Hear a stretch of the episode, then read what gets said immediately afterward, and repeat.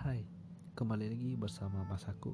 Di podcast pertama kali ini gue bakalan cerita tentang hal yang menyeramkan alias horor yang sebelumnya pernah gue alami. Sebelumnya, perkenalkan nama gue Yoga. Gue tinggal di Bali bersama ibu dan kakak gue Kebetulan kakak gue itu kerja di luar kota dan ibu gue tuh kerja di luar negeri. Jadi gua tuh sendirian dong tinggal di rumah ceritanya gua itu dari kecil emang sudah bisa sih yang namanya ngeliat makhluk halus. Walaupun cuma sekilas saja sih. Jadi rumah yang gua tempatin itu uh, baru jadi sekitar sebulan yang lalu. Nah tepat di depan pintu gerbang gua di sana ada pohon kamboja yang ukurannya lumayan besar. Kata ibu gua di sana ada penghuninya katanya. Uh, penghuninya itu dua orang anak-anak memakai gaun warna hitam dan memiliki motif bunga pada gaunnya. Awalnya gua nggak percaya. Waktu gua nongkrong di angkringan kopi dekat rumah gua, uh, gua berniat untuk pulang jam 11 malam. Nah pada jam 11 malam itu gue pulang kan pasti ngelewatin pohon tersebut kan Nah waktu gue ngelewatin pohon itu Gue Iya gue ngeliat anak kecil dua orang di atas pohon sambil ngeliatin gue Uh gue merinding sumpah. Nah dengan buru-buru gue langsung masuk aja tuh ke rumah. Lang Langsung kunci pintu. Nah, gua kan insomnia, jadinya gua tuh suka bergadang. Dan bangunnya pun bisa siang, bisa pagi, tapi lebih sering ke bangun siang. Keesokan harinya tuh gua bangun jam 1 siang. Baru gua mau nyapu di depan uh, gerbang halaman.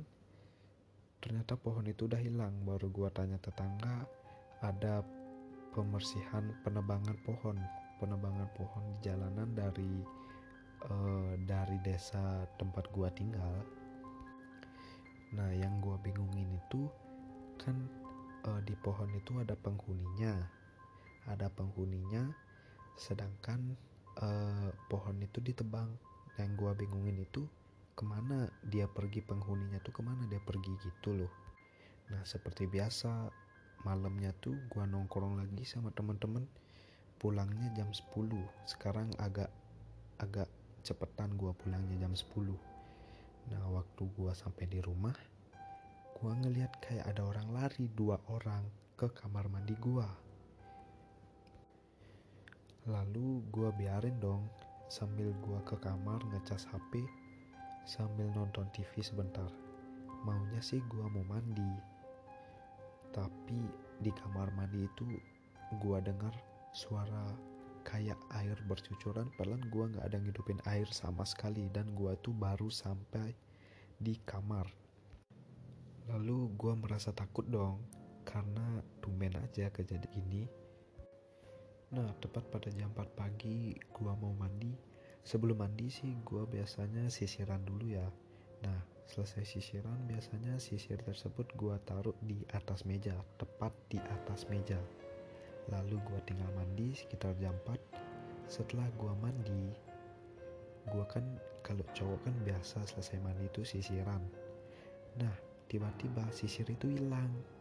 Entah ke mana hilang ke mana gua cariin sana ke sini nggak ada di bawah kasur nggak ada.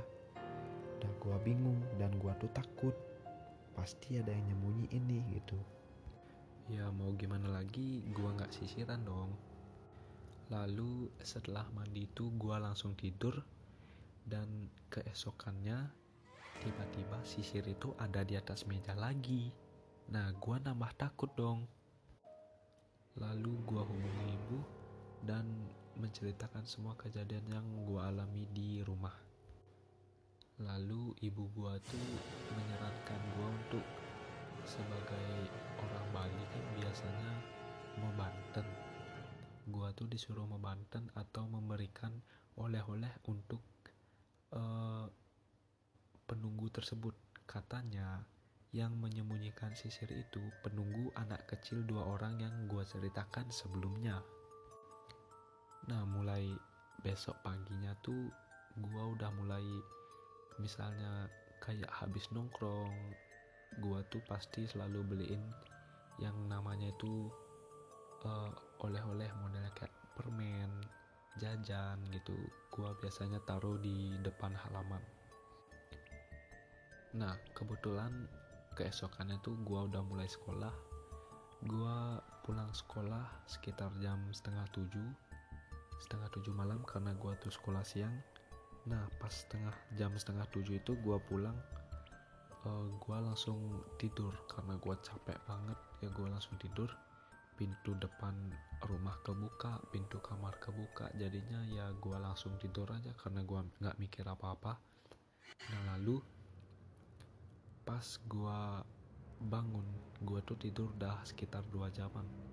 Pas gua bangun itu uh, gua tuh ngelihat ada penampakan kaki anak kecil. Dua orang jalan ke kamar mandi gua sambil ketawa-ketawa. Nah gua tuh tambah takut gua sendiri merinding gua di kamar nah lalu uh, gua cek di kamar mandi tapi yang dari awalnya pintunya kebuka jadi ketutup.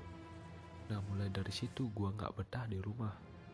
Gue tuh setiap malam pasti gue keluar atau nginep di rumah temen bahkan paginya pulang. Karena gue tuh takut pasti sering dicandain lah sama penunggu yang begituan setelah sekian lama gue nginep di rumah teman kan gue jadinya gak enak.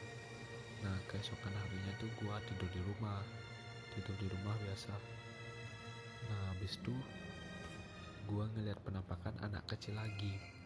Dan dia sambil ketawa-ketawa ngeliatin gue gue sumpah merinding gue lalu karena udah terbiasa gue nganggapnya sih hmm, cuman sebagai gimana ya kayak karena udah terbiasa gue tuh ya bodoh amatan lah orangnya.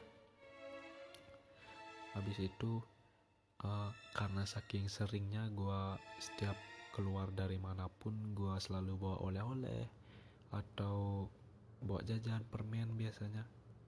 Jadi kayaknya dia tuh berterima kasih sama gue penunggunya itu. Dan sekarang penunggunya itu semenjak gue sering ngasih dia oleh-oleh penunggunya tuh udah nggak ada lagi karena sampai gue tuh paling bingung gue mana sih penunggunya nih? Mana sih anak kecilnya nih? Sampai gue bingung nyari dia ternyata dia tuh udah nggak ada sampai sekarang. Ya begitulah cerita menyeramkan yang gue alami pada masa-masa tahun 2017 aduh lumayan serem sih bagi gue ya karena gue sendirian di rumah. Hmm, sedangkan modelnya tuh kayak gue sendiri dia berdua kayak modelnya gua tuh dikeroyok.